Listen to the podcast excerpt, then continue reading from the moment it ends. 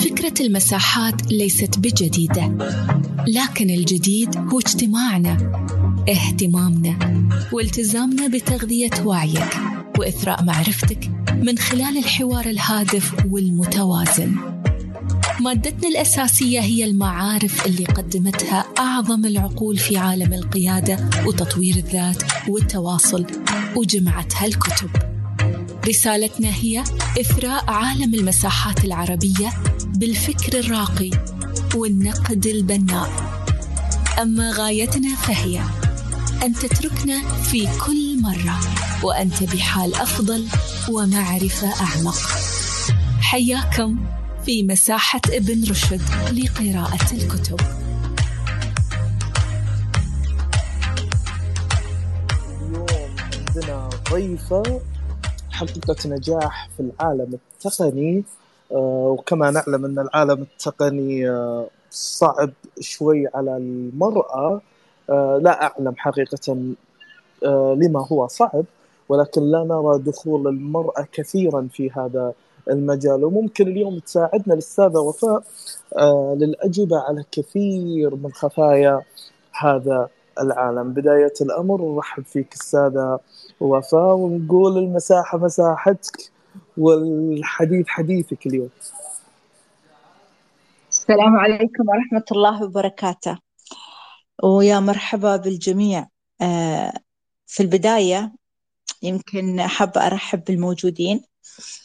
والشيء الثاني اللي حابة إني أنا أذكره إن نحن دائما نشوف إن التعلم التقني آه، كلمة تقني قد تكون عامة في مجال الذكاء الاصطناعي في مجال الكودينج هني المرأة لن تواجه أي مشكلة عضلية لكن دائما لما نتكلم عن العلم الميكانيكي دائما يجي في بال كل الرجال أن هذا علم يحتاج إلى قوة جسدية. وأنا هني أريد أوضح أمر ما بأن العلوم الميكانيكية هي ليست قوة تحتاج عضلات. هي هندسة علمية. فأحيانا الشخص لما يفكر يقول شخص ميكانيكي يتوقع أن هذا الشخص يعني عملية رفع الأثقال. لا طبعا أنا ممكن أجيب أي عامل آسيوي يقوم بعملية رفع الأثقال. مو هي موجودة علم الميكانيكا. علم الميكانيكا هو علم الهندسة علم التشخيص علوم أعمق من هي عملية حمل الأشياء الثقيلة. فالمرأة لما نفذت مشروع دراسة السيارات في الجامعة كنت أوضح للطالبات بأن دخولكم في هذا المجال ليس من عم... ليست عملية عملية حمل أثقال ولكن عملية فهم يعني علم السيارات وآلية يعني كيفية عملها وإلى غيره من هاي الأمور.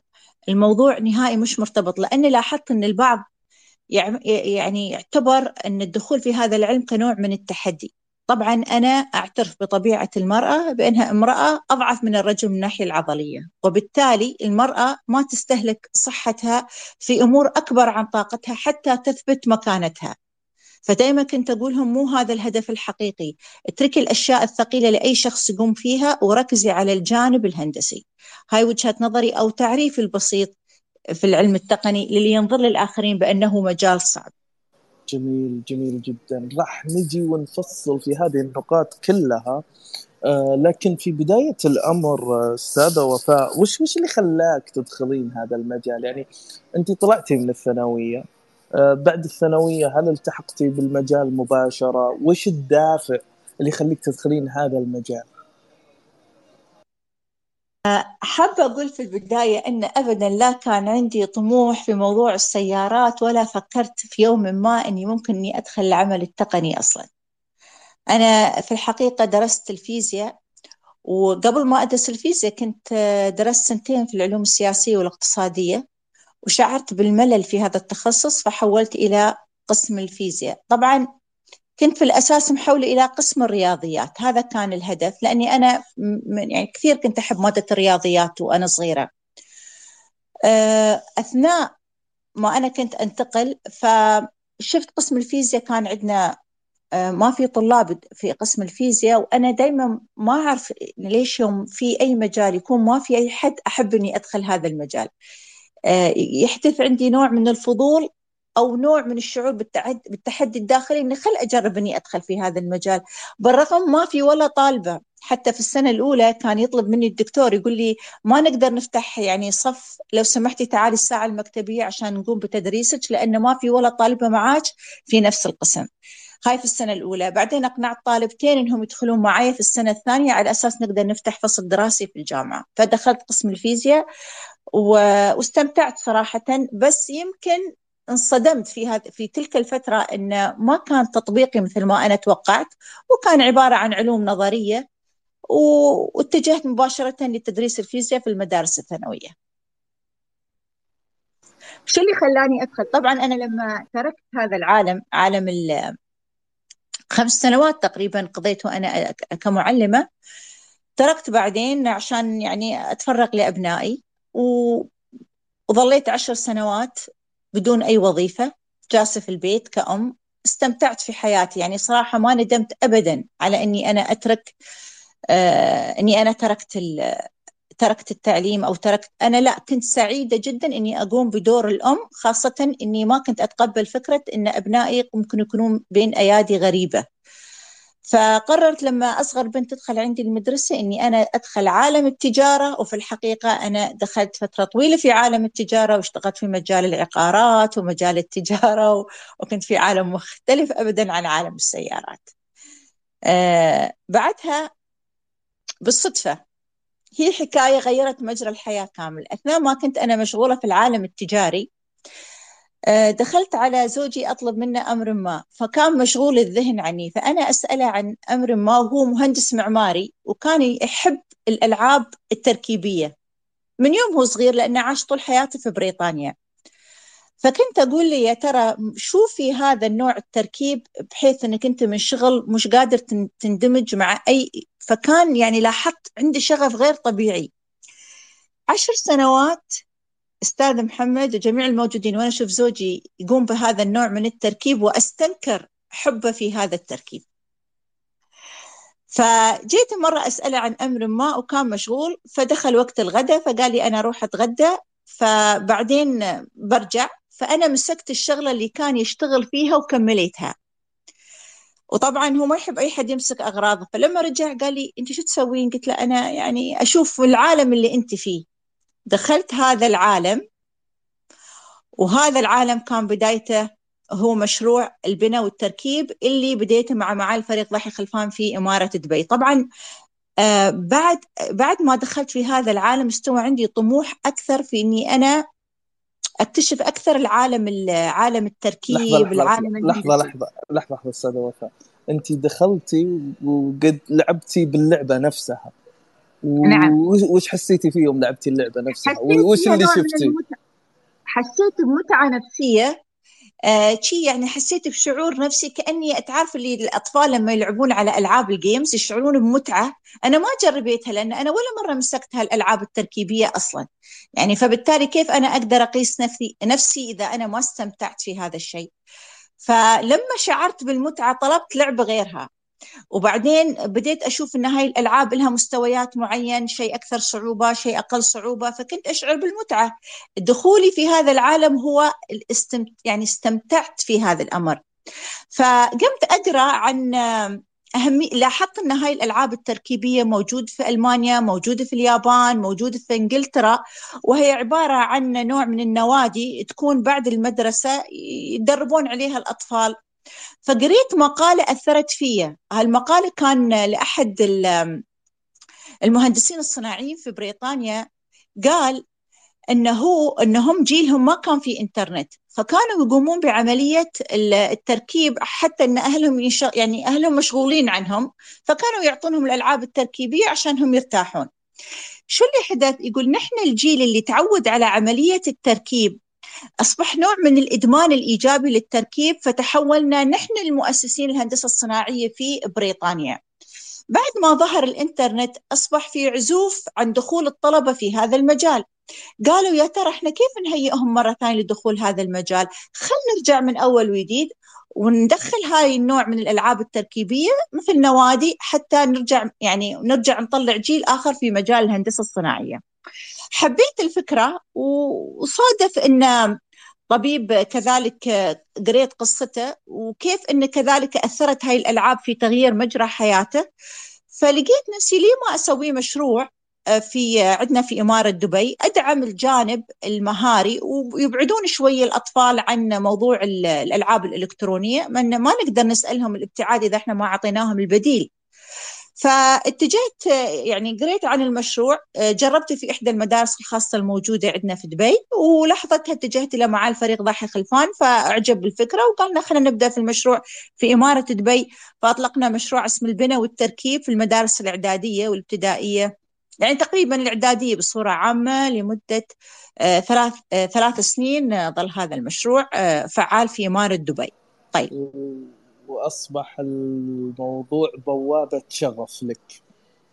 نعم واستمتعت جدا. لكن آه، كنت آه، مسافرة إلى فرنسا وأنا في الطيارة. أقول آه، وماذا بعد التركيب؟ يعني أريد أركب شيء حقيقي شيء من حديد. فكنت طبعا كنت أقرأ شخص قدر في اليابان. قريت قصته يعني كنت أقرأ كتاب عن اليابان فقريت شخص كيف إنه هو قام بفك وتركيب سيارة ومن بعدها بدأوا بتجميع السيارات في اليابان. فأنا قلت يعني رجعت طلبت من زوجي وقلت له إن أنا أفكر إني أنا كذا. قال لي أعمال شاقة والتعامل مع الحديد مو بالأمر السهل يعني مثل ما أنت تتوقعين. فطبعا ما دعمني في هذا الموضوع لأنه شاف الموضوع قد يكون شاق. كنت واقفة في إحدى الحفلات نكرم الطلاب الموهوبين آه، في جمعية الموهوبين مع مع مع مع الفريق ومع مع الوزير الحمادي. فمع الوزير حسين الحمادي يقول لي إن نحن يعني بدينا نسوي بعض السيارات الكهربائية الصغيرة. فأنا قلت له من باب يعني من باب الضحك قلت له والله أنا يعني كذلك آه، بسوي سيارة حقيقية. يعني سيارة بترول تنزل الشارع. فمن باب المزحة فقال حق معاه الفريق تقول إن هي بتسوي سيارة حقيقية. فراح معاه الفريق وقال هي تقدر هي تقدر تسوي سيارة حقيقية. فأعلن إعلان في الإعلان أمام الجمهور بأن السنة الجاية بيكون أول تجميع سيارات. هاي الموقف اللي حدث بدون تخطيط ما سعيتي له يعني. لا. المهم رحت مباشرة تركت المكان ورحت مباشرة و... وشفت الشركات اللي تصدر الأغراض والأدوات التركيب كتجميع وشفت وكلائها عندنا في دبي وطلبت الأغراض وخذت تقريبا ثلاث شهور لحتى ما جمعت الأغراض. وتوقعت واشتريت الكتب طبعا كتب التركيب السيارات لقيتها يعني موجودة متوفرة. بس توقعت إن الأشياء بتوصلني من أمريكا وإلى غيرها بتوصلني يعني على شكل كل قطعة في كرتون وإن في لها كتالوج هذا خيالي يعني. فاكتشفت بأن وصلتني أشياء يعني مفتوحة بالكامل وما أعرف كل وحدة وين مكانها بالضبط. فأخذت شهر كامل بعملية تجميع الأشياء المتشابهة. يعني كأنها لعبة ووضعها في بوكسات حتى إني أقدر أبدأ يعني آه، في عملية التركيب.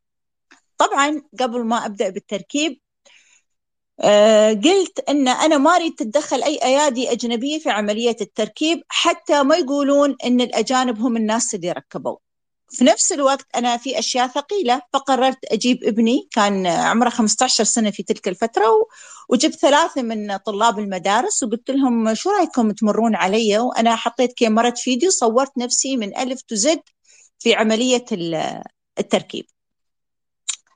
انتهينا من عملية التركيب يمكن في حدود أربع خمس شهور تقريبا. وما كان عندي أي خلفية أبدا عن العالم الخارجي في التركيب. يعني ما أدري يعني كأني كنت منعزلة عن العالم. آه، فمع الفريق كان مهتم في المشروع مع الوزير حسين الحمادي مهتم في المشروع. يعني آه، متى وين وصلتي؟ وين وصلت وين وصل المشروع؟ بعدين انتهيت منه بس ما لحقت إني أنا أطلع أطلع رخصة للسيارة. فكان في حفل في تو افتتاح فندق فرساتشي وتم الاحتفال بالسيارة وإعلانها بتواجد مع الفريق ضاحي خلفان ومع الوزير حسين حمادي. جميل جميل جدا. أنا عندي سؤال مهم هنا. آه، لكن نعم. سمحتي لي أستاذة وفاء أول شيء بس أرحب باللي انضموا معنا في المجموعة. الأستاذة فرات الأستاذة علياء أعتذر لو النطق كان خاطئ. ولن ترى مثل دبي. إي والله لن أرى مثل دبي. روح انك صادق. وشروق ومريم ومحمد ووليد وحسام ويومي. إن شاء الله إني نطقت اسمك صح. كل باسمه ورسمه يا مسهلا ومرحبا فيكم طيب السادة وفاء إلى إلى ما وصلتي هذه المرحلة؟ أنت كم صار لك من تخرجتي من الثانوية؟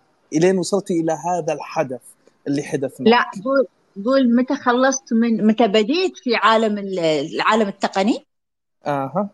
متى؟ بديت في عالم التقني تقريبا آه 13 سنة الحين تقريبا. لأني أنا ما أنا ما وقفت عند السيارات. السيارات ما هي اللي كانت بوابة. يعني أنا كانت السيارة بوابة للدخول للعالم التقني.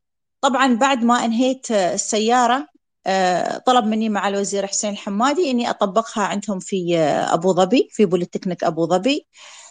فبس قال لي نبدأ بسيارة كلاسيكية مستواها جدا صعب على الطلاب وأفضل إنها تكون سيارة تجارية. فقمت بمشروع فأسست موضوع السيارات. ما كانت في أي أماكن للتدريب وإلى غيره أسسنا أماكن التدريب. وبعدها بعد ما انتهيت تقريبا من هذا المشروع قررت إني أدرس التصميم الميكانيكي لأن خلاص انتهيت من عملية التجميع فلماذا لا أبدأ في عملية التصنيع؟ فوجدت إن التصنيع يحتاج ثلاث تخصصات، واحد التصميم الميكانيكي، اثنين علم ال machining. ثلاثة علم الهندسة العكسية. فدخلت في دراسة علم التصميم. حصلت على شهادات محترف عالمي متقدم في مجال التصميم الميكانيكي. بعدها دخلت في عالم ال machining. وكانت هذه التخصصات غير موجودة عندنا في الجامعات فأقريتها قمت بتدريب آه، الدكاترة في هذا المجال في مجال التصميم الميكانيكي وفي مجال ال machining. وبعدها بديت مشروع الهندسة العكسية اللي أطمح في أن أطبقه في الجامعات بس إن شاء الله على السنة الجاية بقدر أني أنا أطبقه في الجامعات الموجودة عندنا. يعني هاي الحين أقدر أقدر أوصل إلى أن أقول أن نبدأ الخطوة الأولى في أصنع في الإمارات. بأيادي وطنية بأيادي وطنية. وهذا متى كان؟ آه، شو اللي متى كان؟ شو بالضبط؟ إحنا اوريدي طبقنا مجال التصميم الميكانيكي. إحنا آه، بدينا في مجال التصنيع. آه، طبعا اضطريت إني أنا أطور المنهج الجامعي. وادخل كل هاي التخصصات اللي ما كانت أول موجودة لأن كانت التخصصات أكثرها نظرية. فركزت على الجانب المهني. طبعا مستحيل كنت أنا أقدر إني أنا أوصل إلى هذا العالم دون ما إني تكون عندي مصانع. مصانعي الخاصة اللي أقدر أكون فيها مع مجموعة من العمالة الأجنبية اللي أقدر أستفيد منها من هذا العلم. فطبعا هذا هذا كل هذا هذا كله داخل الإمارات. كله داخل الإمارات. فأنا موجودة اليوم في الجامعة بكرة أنا موجودة في جبل علي بعدين أنا موجودة في الشارجة بعدين أنا موجودة في مصانع في راس الخيمة. فأنا منتقلة من مكان لمكان في عملية تجميع المعارف الصناعية وأعطيها للجامعة بطريقة مرتبة بحيث أنها تناسب فهم الطالب لظهور العالم الصناعة مستقبلا.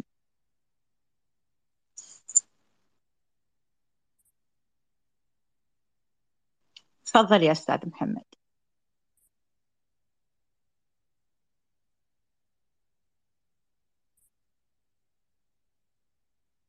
أستاذ محمد تسمعني؟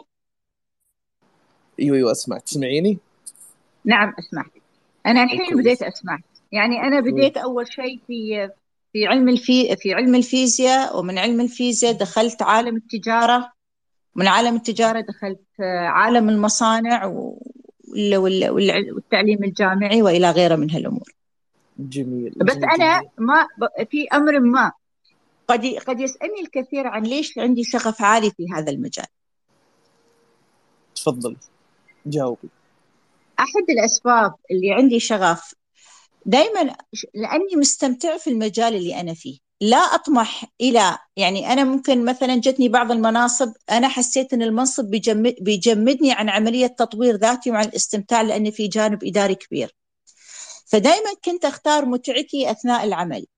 فكل ما كنت أستمتع أطور نفسي أكثر وأطور الآخرين ألاقي نفسي وصلت إلى مراحل أكبر عن الوضع اللي أنا كنت فيه، يعني شو وضعي أنا في منصب إداري؟ ألاقي نفسي السنة اللي فاتت نفس وضعي خلال هاي السنة.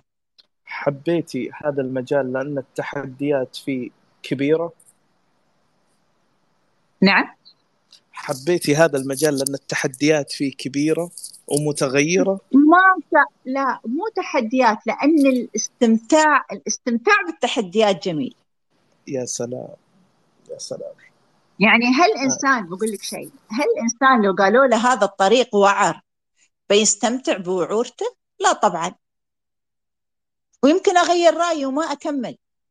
لكني أنا أشعر بمتعة وأتمنى هذا الشعور بالمتعة يشعروا به أجيالنا الأجيال الجديدة الموجودة. على فكرة أولادنا واللي لاحظت من الجامعات عندهم حافز عندهم شغف ويريدون مو بإنهم يعني ما يريدون بس محتاجين حد بس يوضح لهم الطريق. وبالتالي كان تواجدي معاهم يعني يعني أنا أفرح بتواجدي معاهم وهم يفرحون بتواجدهم معايا فأنا أشعر بالاستمتاع أكثر لأن في في جيل جديد يبحث عن المعرفة. أحسنتي أحسنتي. لكن أنا ما أدخل كثير.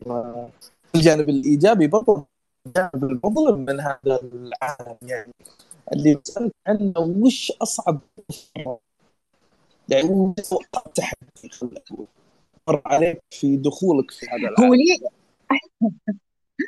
هو لازم يعني شوف أنا لاحظت شيء دائما دائما لاحظت إن الناس دائما يتكلمون عن تحديات النجاح. كثير يكررون موضوع تحديات النجاح.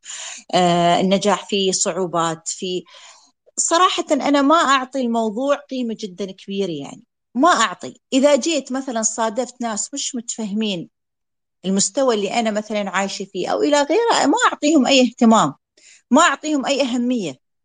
أنا أكمل أنا عندي هدف معين أركز على الهدف اللي أريده. مو شرط كل نجاح يكون فيه استمتاع. زين هل معناها لما أنا أصل أصلا للنجاح بكون سعيدة؟ والنهاية هل أنا وصولي للنجاح بكون سعيدة؟ السعادة هاي ممكن تكون مدة عشر سويت مشروع عشر, عشر أيام أنت مبسوط أنهيت هذا المشروع الكل يبارك لك وبعدين؟ ولا تشعر أبدا لأنك ترجع من أول وجديد. يعني نشوة السعادة تنتهي ما تدوم. ولكن شو اللي ظل عندك؟ الذكريات اللي أنت عشتها طول هاي الفترة وأنت عملية تبحث عن بعض الأمور الذكريات هي اللي تخلق لك نوع من السعادة وليس الناتج النهائي. لأن بعدها بتبحث عن مشروع جديد حتى تدخل من أول وجديد. بس الذكريات مش دائما تكون مش دائما تكون يعني انت انت نقطتك فلسفتك جدا جميلة. لأن فعلا قد يكون النجاح لحظي. ولذلك يقول لك يقال إن النجاح آه، رحلة وليست محطة. آه، لكن إذا ركناها على الميموري أو على الذكريات برضو في ذكريات صعبة. أنا سؤالي هو آه، في دخولك هذا العالم واجهتي تحديات. بالطبع. ممكن انه يعني أنت اليوم قاعدة تسهلين الطريق للجيل اللي بعدك وتشكرين على هذا المجهود. لكن أنت ممكن ما في أحد سهل لك الطريق قبلك. أنا صراحة آه شوف أنا بقول لك شيء. آه نتكلم بتكون يعني بشفافية. أنا إنسان توفر عندي يعني في بعض الشباب مثلا يكون عندهم بعض المشاريع لكن يكون عندهم تحدي مالي. وبعضهم يكون يحتاجون تحدي مثلا انه يكون عندهم مثلا ناس يمسكون يسهلوا لهم بعض الأمور. آه، صراحة يعني لله حق ما كان عندي أي نوع من أنواع التحدي في هذا المجال من العوامل اللي ساعدت في سرعة الإنجاز بالنسبة لي. نكون نكون واقعيين كواقع. في ناس عندهم تحديات تكون تتأخر المشاريع اللي هم يحتاجونها. بالنسبة لي أنا في هذه الجوانب ما كانت عندي أي تحدي وبالتالي هذا اللي خلاني أني أنا يعني أنجز يعني أو أني أسرع في عملية الإنجاز. ولكن أنا أشوف أن الإنسان دائما ثقته في ذاته ممكن تخليه يتجاهل أشياء كثيرة. آه، أنا مثلا شو الأشياء اللي رفعت الثقة في ذاتي داخليا؟ من مراحل نموي وأنا أقرأ روايات الناس الناجحين. الحكام آه، الناس اللي غيروا اللي يعني دائما كنت أشوف القوة الداخلية اللي فيهم. دون ما أشعر كنت أشعر إني أنا مستعد إني أكمل بغض النظر عن إنه يرضي الجميع أو لا يرضي الجميع.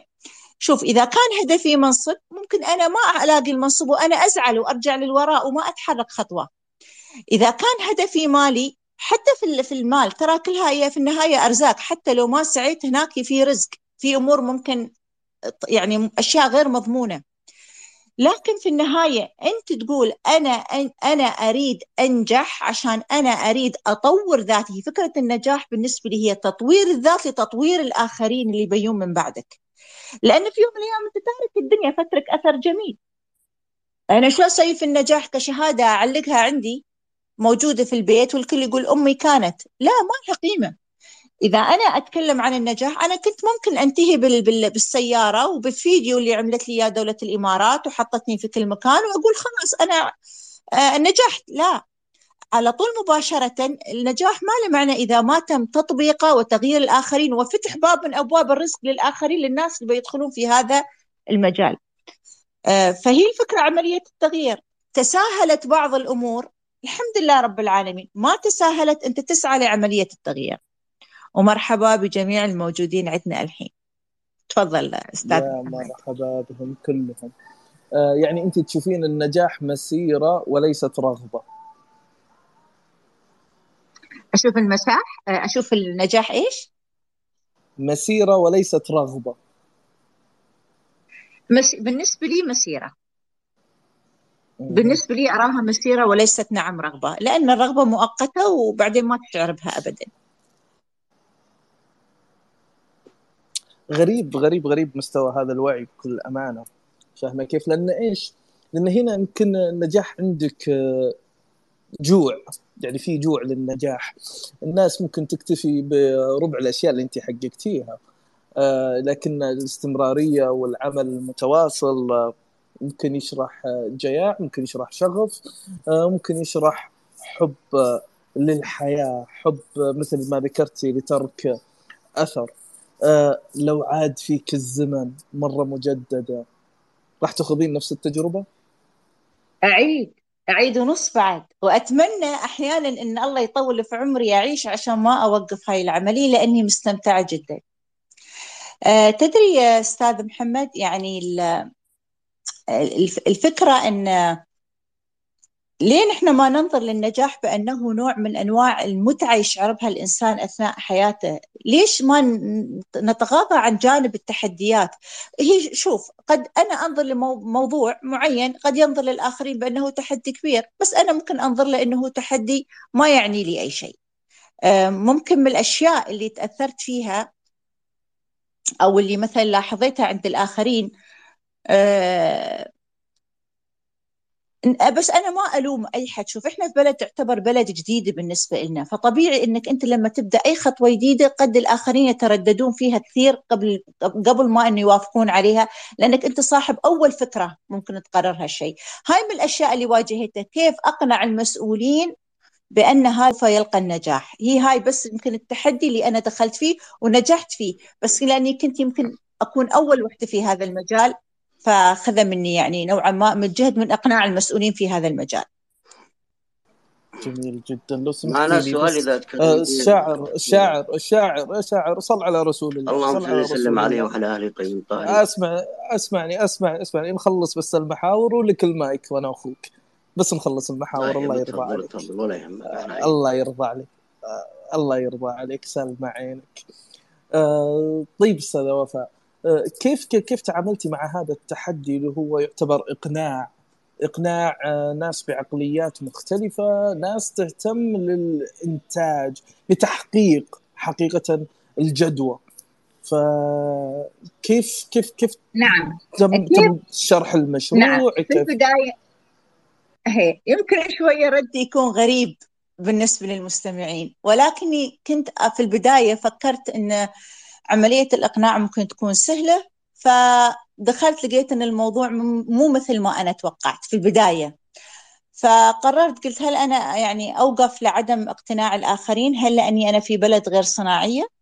فقررت أني أنا أوقف عملية الإقناع وأبدأ بتطوير ذاتي إلى يعني بس أبدأ بتطوير ذاتي بالرغم ما كانت الرؤية عندي عارفة وين بتجه بهذا التغيير.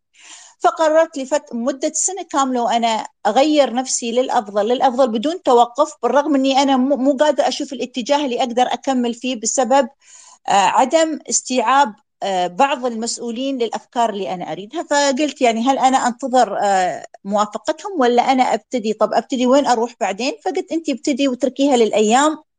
اتركيها لله سبحانه وتعالى هو بيرتبها بس انت لا توقفين لأن هذا الوقت له قيمة. فبديت فمجرد ما انتهت سنة لقيت سبحان الله جميع الأبواب تنفتح لي يعني من حيث لم أحتسب. الحمد لله رب العالمين. ومشت الأمور المهم إني أنا ما ضيعت وقت في عملية التطوير. أها. انت انت انت كويسة أستاذة وفاء في الخروج من الأسئلة. يعني بكل أمانة. انت تعطيني إجابة بس أصلا ما في إجابة. أنا ملاحظ هذه الظاهر الظاهر أول سنتين لك في السياسة علمتك ذا الجانب. إحنا عندنا البيت كله مهتم بالسياسة على فكرة البيت عندنا كله مهتم بالسياسة إلا أنا الشخص اللي لا لا يهتم بهذا الجانب. أنزعج منه كثير بس شكلي امتصيت هذا العالم بدون ما أشعر. ما شاء الله تبارك الله. طيب إذا سمحتي لي أستاذة وفاء بس ناخذ مداخلة آه، الأستاذ الشاعر. يا مسهلا ومرحبا فيك. تفضل عزيزي. السلام عليكم ورحمة الله. وعليكم السلام. الصوت؟ واضح؟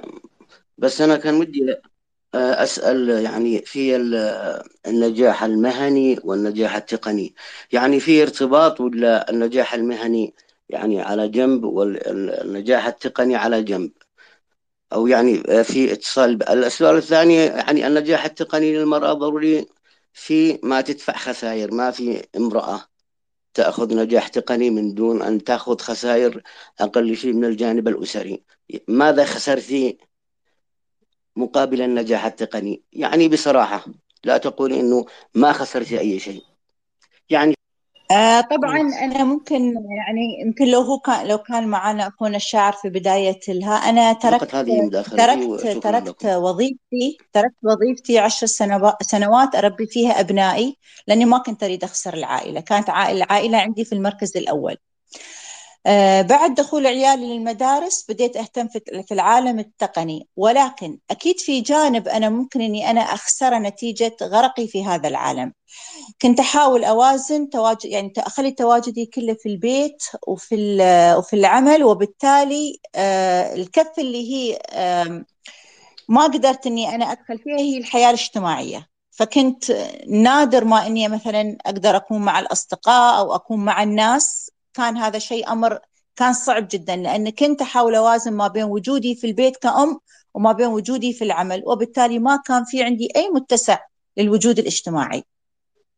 يعني برأيك إنه التقنية أهم من من الأسرة؟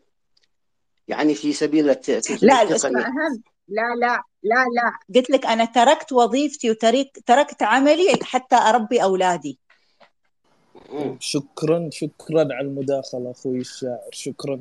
تسلم تسلم الله يرضى عليك مشكور على رحابة صدرك. الله يسلم يطول لي بعمرك عزيزي يطول لي بعمرك. الله يخليك. آه طيب آه خليني خليني أسألك فيما انتهيتي منه. الجانب الاجتماعي مجتمعنا يزعل علينا يعني آه أصدقائنا أقربائنا. آه، يزعلون علينا لعدم وجودنا في التواصل في الحياة الاجتماعية وهذا حق لهم. آه، كيف كنتي تتعاملين معهم وانت عندك المهارة الدبلوماسية يعني كيف قدرتي تتعاملين معهم؟ صراحة ما قدرت أوازن. أبدا حاولت أجامل بس كان المجاملة على حساب صحتي وعلى حساب وقتي فما قدرت أبدا. يعني لدرجة أني طلبت من إحدى صديقاتي أن مثلا في حالة حدوث أي وفاة أو لا شر حدث ما أريد أكون مقصرة يعني مع صديقاتي فقلت لها علميني ولو ما رديت على الهاتف ابعثي لي واتساب قولي لي إن في كذا وكذا حتى أكون في الصورة. لكن إني أقدر إني أكون مع الناس آه، ما قدرت صراحة. ال ال ال الوقت اللي يعني بالنسبة لي هم أمي وأبويا وأبنائي. غيره ابدا ما يعني حاولت وبعد ممكن أدى إلى إن أحيانا صديقاتي يزعلون مني يعني يتمنون مثلا وقت إني أكون لهم. بس آه، حاولت أبين لهم إني ما أقدر. الأمر كان جدا صعب مو يعني صعب جدا محتاج للوقت اللي أعيشه. وكنتي توضحين ذلك بكل شفافية صح ولا لا؟ طبعا شوف أستاذ محمد نحن نعيش في عالم الصناعة يعني لو تتوقع لو أقول لك شهري سنويا تتغير السوفت وير للصناعة وتنزل أشياء جديدة إذا أنا ما بجري مع هاي التغيرات في المصانع والتنافس ما بين الشركات في التغيير والبحث عن الأفضل وتسريع عملية الصناعة أنا بتأخر جدا فأنا مضطرة إذا أكون في هذا العالم إني أنا أجري معاه. ما عندي اختيار. هذا هالشيء يعني إجباري فيه. مجرد ما أنتهي من مشروع جديد يحصل على المركز الأول في ألمانيا ان نلاقي البرامج الصناعية تغيرت إلى شركة منافسة سرعت عملية الصناعة فأضطر إني أنا أدخل ففي جبل علي يبتدون برامج جديدة فاضطر إني أنا أدخل بسرعة في البرامج الجديدة اللي تحتاج دراسة. يعني شهريا أنا أدرس شهريا أنا عندي خطة لأشياء جديدة. فاللي يدخل هذا العالم هو عالم لا ينتهي لأن عملية الصناعة لن تنتهي وعملية التجديد لا ينتهي. هو هذا العالم متعته أن في في الأشياء كلها تجري بسرعة. ما تج ما تجري ببطء فأنا مضطرة أني أنا يعني أسرع مع هذا العالم. ما عندي ما عندي اختيار آخر. There is no option and failure is not an option. جميل جدا. وإذا أنا نعم أنا لو وقفت الحين ثلاث سنوات عن العالم الصناعي أنا ممكن أي بعد أجي الحين وأكتشف إني أنا ما قادرة أربط من ثلاث سنوات لحتى الحين لأن أشياء كثير تغيرت على المستوى المهنة. فالموضوع بيكون جدا يعني صعب جدا إن حتى الواحد يقدر إنه يدرس جميع الأشياء اللي فاتت فلازم نكون دائما مستعدين لهذا العمل. في في بريطانيا أو غيرها من الدول الصناعية وضعوا نوعين من التخصص. قال لك أنت تريد تكون متخصص في علم الميكانيكا وتكون دكتور جامعي بحيث إنك أنت تدرس النظام النظري أم أنت حاب إنك تدخل الجانب المهني وتدير مصانع؟ الفرق ممكن يكون سعره راتبه 35 ألف أو 40 ألف درهم يدير مصنع ويدخل أرباح بقيمة ممكن يكون راتبه يوصل إلى نصف مليون درهم. في فرق في الاتجاهين لما تدخل ميكانيكي للمجال الصناعي الحين فتح تخصص لهذا المجال وتخصص أنك تكون أكاديمي. فالحياة الحين تغيرت يعني حتى الجامعات قامت تتغير ال ال ال الاتجاهات إلها. صح صح. هذا كلام واقع بكل أمانة. لكنه أنا أبغى جاري ذكاء دبلوماسي بما إن أنا متخصص أيضا علوم سياسية زين. إحنا مبسوطين باستضافتك معنا في المساحة وأخذ وقتك لكن هي الأولى وما نبغاها الأخيرة. إن شاء الله في مساحة أخرى معك إن شاء الله. أستاذ محمد أنت دارس في الجانب السياسي؟ متخصص في الجانب السياسي؟ أيوه أنا خريج أمريكا علوم سياسية وعلاقات دولية. آه عشان عشان لهذا أنت شعرت إني أنا شوية عندي نوع من أنواع السياسة. اي أنا عارف هذه المهارة. جواب خذ جواب بس ما في ما, ما في ما تقدر تمسك شيء ما شاء الله تبارك الرحمن. طيب ما دخلنا علم ما دخلنا علم القانون يعني. يمكن كنا ننجح في هذا المجال.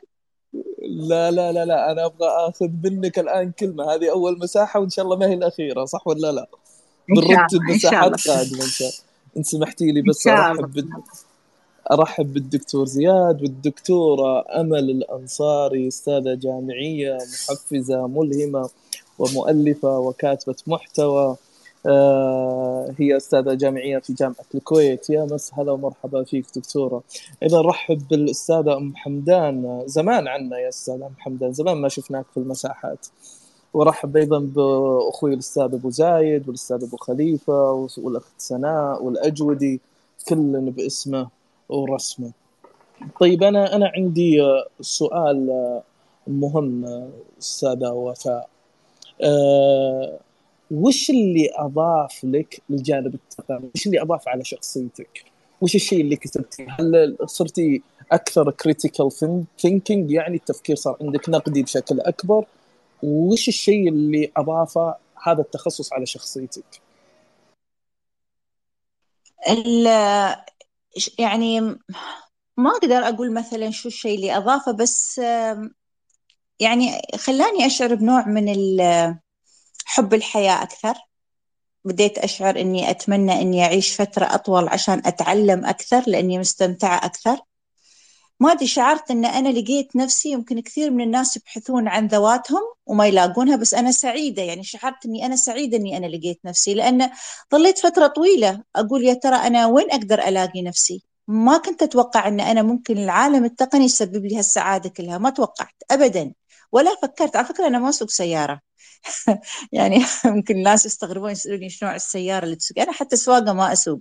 ولا ركزت أبدا في هذا الجانب. بس لما دخلت فيه في يعني يمكن أنا الحين العلم اللي أكثر يعني ماخذ كل وقتي هو علم الهندسة العكسية. لأن علم الهندسة العكسية هو العلم اللي تطورت في الصين وأصبحت من أوائل العالم. فلهذا أنا مغرمة بهذا العلم حاليا وأعيشه. يمكن أكون أول إماراتية وحيدة فتحت آه، شركة في مجال الهندسة العكسية وأعمل مع أجانب في هذا المجال. يعني وسعيدة أني أنا أتعامل مع دول متقدمة مثل الألمان وإلى غيرها في هذا المجال. من أجمل العلوم اللي أحس أني أنا محظوظة أني أنا درسيتها. طيب خلينا خلينا نزداد من علمك. آه وش هو وش وش هو الهندسة العكسية؟ ممكن تشرحينها لنا بشكل مختصر؟ نعم الهندسة العكسية هي آه، الصين. كيف الصين نجحت؟ كانوا الناس يبعثوا لها بعض القطع عشان هي تقوم بعملية التصنيع فقامت بعملية نسخ هذا المنتج. آه، مثلا بالناحية الأشياء الميكانيكية من ضمن الأسلحة إلى غيرها فكانت تقوم بعملية التصوير وضعت برامج معينة تقوم بعملية التصوير. تاخذ بعدين هاي الصور وتعملها نوع من التحليل الميكانيكي وبالتالي تقدر تكشف كل أبعاد عملية التركيب وتقوم بإعادة التصميم من أول جديد ك product وتنزله بعدين تعمل له G-coding حتى ينزل لعملية التصنيع بنظام ال G-coding فأنا درست علم التصنيع اللي هي لغات ال G-coding ودرست في نفس الوقت التصميم الميكانيكي وحصلت على شهادة محترف عالمي فقررت أني دخولي لعلم الهندسة العكسية خلاني أكون أول تجربة. طبعا شوف سبحان الله عشان أقول لك إنه ما كان تحدي كان طريق الله كتب لي لأن اشترينا اشتريت من أحد الشركات 3D printer وبعد فترة اعتذرت إنه ما عاد موجود المنتج اللي أنا أريده وكان سعره خمسين ألف. فبعثوا لي USB ب ألف درهم يعتذرون فيه عن عدم آه، إنهم تاخر تأخروا علي لكن يعطوني برنامج الهندسة العكسية. طبعا أنا قلت يعني يعني ويقولوا لي إنك أنت كسبتي ثلاثين ألف ونحن نعطيك شيء للعالم الجديد. طبعا أنا في البداية قلت يلا فكرت إن بلاقي مراجع في هذا المجال فقمت أدور عن كتب ما لقيت أي كتب في هذا المجال فلقيت كتاب باللغة الصينية. وطبعا لا يصل للامارات فطلبت من الصين وقررت إني أترجمه للحصول على هذا العلم. وانتظرت لحتى يعني عندي حساب آخر في أمريكا ولما وصل هني فتحت لقيت إنه يتكلم عن الهندسة العكسية بصورة عامة وإنه مو دليل ممكن يساعدني في التعليم. فأنا الحين عندي برنامج ب ألف ما قادرة حتى إني أشغله ولا عارفة كيف أبدأ فيه. قررت أتعلم بأسلوب الخطأ والصح خل أجرب وأشوفه يعمل ولا ما يعمل. أنا يعني اوريدي عندي التقنيات فخل أجرب البرنامج. جربت البرنامج ووضعت لي أنا لذاتي منهج خاص في هذا المجال. آه، طبعا ما كنت آه، كنت مرة جامعة خليفة اللي عندنا في أبو ظبي وأثناء زيارتي الجامعة فشفت بعض القطع الميكانيكية فقالوا لي انه أعطوها بعض الشركات الأجنبية الألمان لعملية يعني الهندسة العكسية بس ما كانت دقيقة. فطلبت من البروفيسور الموجود إني إذا في مجال يعطيني هاي القطع إني أعمل عليها من باب التدريب إني أنا دخلت هذا العالم. وأريد يعني إني أنا يعني أبذل جهد فيها فقال لي إيه، غريبة أنت تدخلين هذا العالم جدا متقدم ما له مراجع. قلت له يعني من باب التجربة. دخلت هذا العالم آه، دخلت خدت القطع و وكانت القطع ماخذة ست شهور. فتفاجأت إني خلال أسبوع إني أنتجيتها وبعثيتها لهم فتفاجأوا بنسبة المطابقة أعلى. فشوي لقيت الالمان يدقوا لي الطليان يدقوا لي الهنود يدقوا لي يبون اجتماع معايا وطلبت مني الجامعة إذا في مجال أني أفتح كشركة في هذا المجال أتعامل معاهم من باب الجانب التعليمي. فأسست الشركة طبعا المؤسسات الموجودة في مجال الهندسة العكسية تواصلت معايا وقالوا لي افتحي كشركة إماراتية وإحنا بنشتغل شركاء مع بعض. وبالعكس هذا بيكون يعني تواجد الهندسة العكسية في الإمارات و... و... وسبحان الله كنت رايحة من باب التجربة. ما كنت رايحة من باب أني أنا أصلا كنت رايحة أقيم نفسي. ما كنت عارفة أني أنا أصلا قد أكون متميزة في هذا المجال. فدخلت في هذا العالم وحاليا أنا موجودة آه، في بعض جميل. المشاريع اللي هي مرتبطة بهذا الجانب. جميل. دكتور زياد أبو خليفة الظاهر الاستاذه وفاء عندها فرص استثمارية ترى.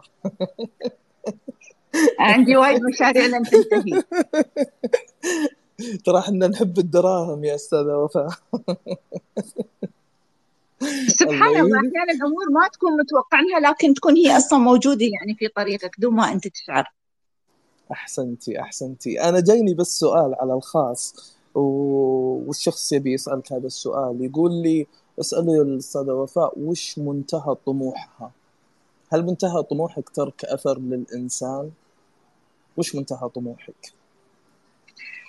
آه بقول لك شيء لما أنت تبدأ يعني في البداية لما تسوي أنت عمل وتلاقي العمل في أيادي مواطنين تشعر بالسعادة في تغذية راجعة مباشرة تلاقي نفسك تحط مشروع تلاقي المشروع ناجح تلاقي لما بديت أبدأ في التصميم الميكانيكي بدينا نعين موظفين في مجال التصميم الميكانيكي. تحس أنك كأنك تفتح أبواب لناس آخرين لشباب من من يعني عمر جديد يلاقون وظائف فهذا الشيء شعرني بالمتعة. دام إن أنا أشعر بالمتعة أنا بنادم ما يضمن عمره السنة الجاية حي ولا ميت فأنا مو حاطة طموح مو حاطة طموح بعيد المدى. أو أنا أفكر دام إني أنا بيدي التغيير حاليا والأمور آه، سالكة عندي فخل أكمل في هذا المجال. والحمد لله رب العالمين فما عندي أي طموح ولا أعلم إلى إلى أين أنا متجهة. لكني أشوف الشارع عندي سالك وأنا أمشي فيه. ليش ليش أوقف؟ أكمل في هذا الطريق ولا أعلم هذا الطريق بيوديني لوين؟ هل قدرتي استنس... على استنساخ وفاء في الأجيال اللي بعدك؟ ولا لسه ما وصلتي إلى هذه المرحلة. استنساخ شخصية وفاء استنساخ نجاح وفاء استنساخ فكر وفاء. هل تمتلكين إيه هذه الرغبة؟ نعم. يعني أنا ألاحظ إن من ألاحظ أبنائي متأثرين فيني وبالذات ابني أحس يعني حتى في ردات فعله دون ما أشعر إنه هو نسخة مني في كل شيء. حتى أبوي يقول هذا الولد نسخة منك في كل شيء. اتمنى أتمنى له التوفيق. الحين هو يكمل يمكن كنت في يوم من الأيام أريد أدرس ال mathematics الحين هو يكمل في جامعة اوكسفورد في هذا المجال. أريد يدخل كذلك هو المجال الأكاديمي. بس أشعر إنه يعني إنه هو قريب مني فمرة سألني بنتي الكبيرة طبعا تخرجت من جامعة نيويورك فأنا قلت لها إن أول ما تخرجين بتلاقين نفسك إنك أنت ما تخرجتي. قالت لي ليش؟ قلت لها بتلاقين عملية التعليم لن تتوقف. وأول ما تتوقف بتشعرين آه، يعني بنوع من الملل. آه، فما زالت تكمل دراستها. قالت لي فعلا وقالت لي متى بتوقف؟ قلت لها ما أعتقد إذا أخذتي جيناتي انك تقدرين تتوقفين، أعتقد إن العملية مستمرة. يعني كنت أشوف الساعة في عمر 90 يعطون محاضرات ويكملون عملية التعلم، ليش ما نكمل يعني؟ إذا الصحة موجودة نكمل. هو مش ليش إحنا ما نكمل هو الطبيعي إن الناس ما تكمل لأن هذا طبيعة الإنسان آه الإنسان طبيعته آه ما بقول إنه يشبع ولكن إذا وصل إلى حد ما يتوقف ولكنه بالعكس السؤال اللي يتوجه لك ليش انت ما تتوقفين؟ ليش انت ما تتعبين؟ ليش انت ما تتضايقين؟ ما ليش... حد يتعب لحظة حد يتعب وهو مبسوط أقول لك شيء حقق لي السعادة أتعب ليش؟ ليش أتعب؟ ما بتعب ما شاء الله أتمنى يشعرون بإحساسي حتى إنهم يعني يكملون فيها لأن الشعور جدا جميل طيب بتجلس مع الناس بيتكلمون شو ب... ليه متى بتسمع شو بتسمع؟ الناس تحمل حد يحمل أخبار جيدة والأغلبية أخبار سيئة. شو المتعة اللي بلاقيها عند البشر؟ ما في أي متعة. الش... بتستمتع مثلا بالمال في النهاية ما بتلبس أكثر. شوف آه، سألوا أحد الملوك قالوا لهم يا أخي ليش تشعر أنك أنت ملك؟ فقال أنا أشعر ملك لأني أنا عندي ماء حار متوفر عندي الماء الحار وعندي مأمن أنام عندي حارسين. على راسي وفي نفس الوقت أنا مت يعني عندي حبيبتي. الحين نحن في مجتمع الحمد لله السكيورتي متوفر والماء الكل الكل يسبح بماء حار والكل متزوج فالكل ملك الحين. فالأمور أصبحت كلها متوفرة. شو المتعة اللي أنا ممكن ألاقيها؟ يعني دائما مثلا اللي مثلا الناس اللي يطمحون مثلا للمال. في النهاية أنت ما بتلبس أكثر عن الملابس اللي أنت تلبسها ولا بتغير عاداتك الغذائية. كل التر... ما بي... ما في شيء بيتغير بس مجرد أنت حتترك مال لأحفادك. أحفادك أنت ما تدري إذا هم أصلا حيتذكرونك فيما بعد ولا لا. فعيش حياتك واستمتع بما هو موجود. واصرف واصرف زي ما تبي. طيب طيب أستاذة وفاء. آه إحنا تقريبا باقي خمس دقائق على المساحة. آه أي أحد عنده مداخلة أو استفسار أو سؤال للأستاذة وفاء يطلب المايك. آه سؤال أخير أستاذة وفاء. آه وش وش نصيحتك آه للي حاب يدخل الجانب التقني سواء الرجال أو النساء؟ وش نصيحتك لهم؟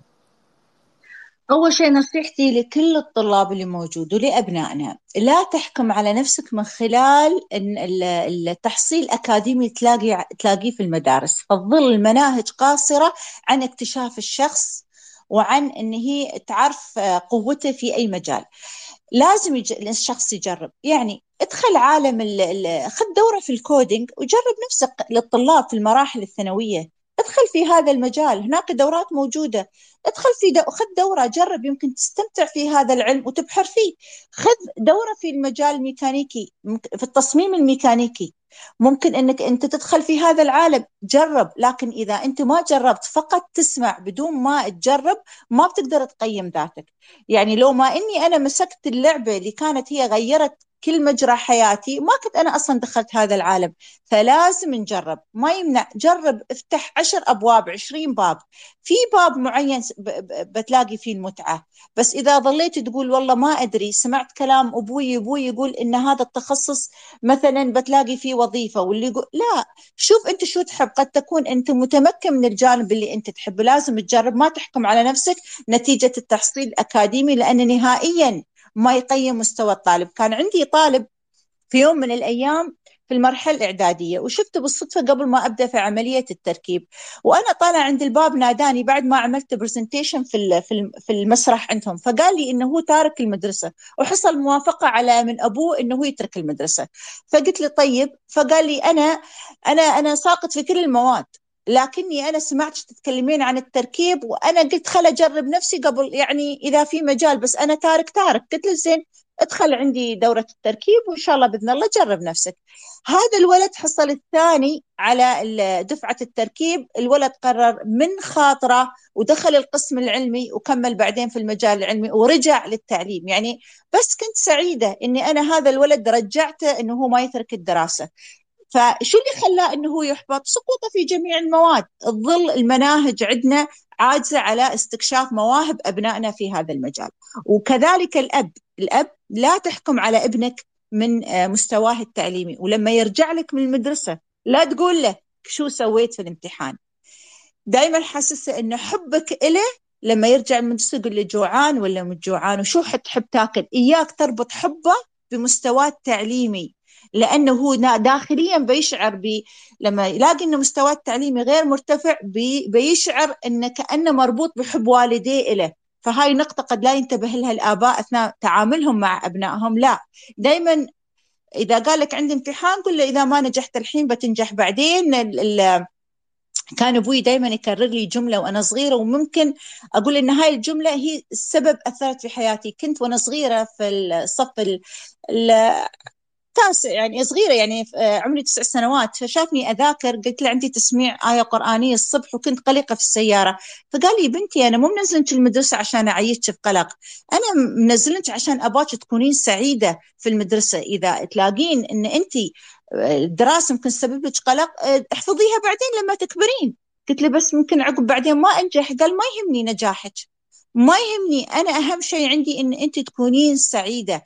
إذا اقترن الحب بالتعليم ما بتنسين الآية إذا اقترن فيها الخوف من المعلم بتنسينها. فأنا لاحظتها هاي الجملة وأنا صغيرة ظلت في بالي وقال لي جملة تشوفين هاي المدرسة اللي أنا نزلت فيها؟ هاي مش مكان للتعليم التعليم عملية مستمرة. إحنا على أيامنا ما كان في مدارس أنا كملت منازل وأخذت شهادة بالمنازل دون ما أني أكون موجود في المدرسة. فلا تربطين دائما التعليم بتواجد في جامعة أو في مدرسة أو غيره. يمكن هذا الشيء في صغري أعطاني نوع من حب التعلم الذاتي واستمرارية عملية التعليم. أول شيء أستاذ وعندك المايك؟ لا لا لا ما هو عندي خليه عندي. زين بكل أمانة.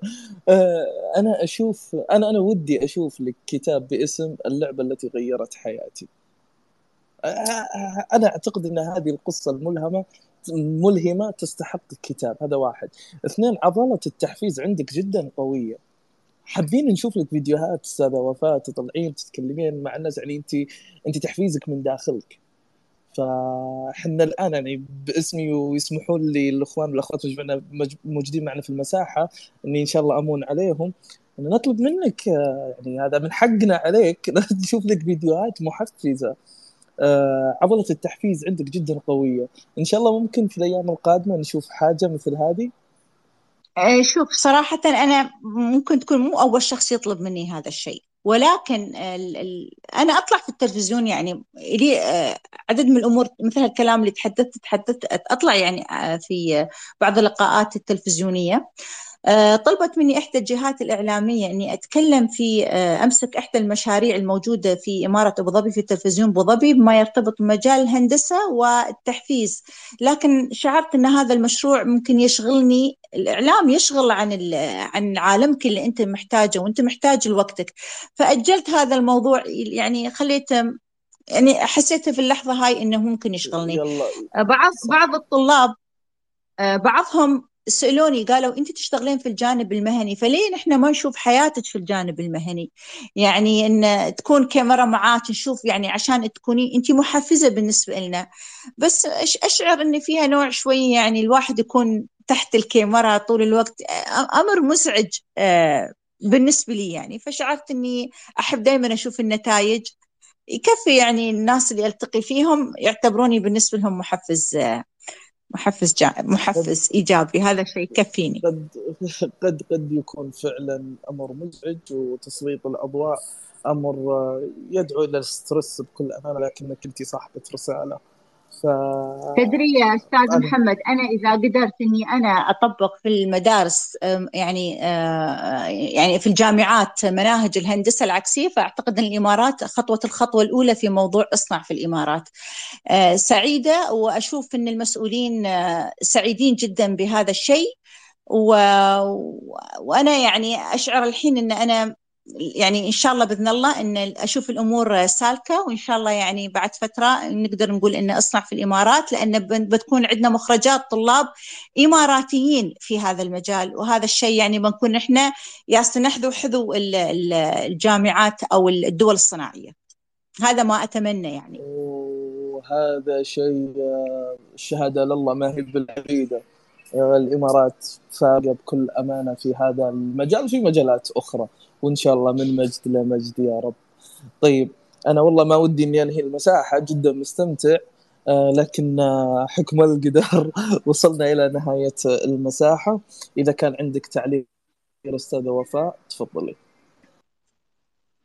أول شيء شكرا لجميع الناس الحاضرين دكتورة أمل أختي عليا الطنيجي موجودة عندنا في بوليتكنيك إبن رشد أخوي أبو خليفة الشحي أبو خليفة هذا خليفة اسمه أخويا الله يرحمه وصديقة صديق أبو خليفة أختي يو إي إي اللي كنت آخر مرة معاها في صلاله وصديقة العمر جميع الناس الموجودين أرحب بكم سعيدة اليوم بما إني موجودة معاكم.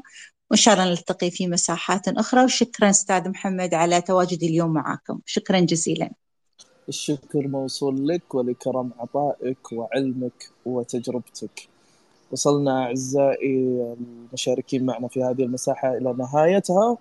كونوا بالقرب. راح نعلن عن المساحة خلال الساعة القادمة. راح نعلن عن المساحة القادمة. سعيدين جدا بتواجدكم. معكم حساب ابن رشد. هذا الحساب الرسمي لمساحاتنا كلها. مساحاتنا نوعية جدا نستضيف فيها ناس مميزون على مستوى الوطن العربي نهدف إلى المعرفة النوعية. مساحاتنا ما فيها أمور جدلية ولا فيها نقاشات عقيمة.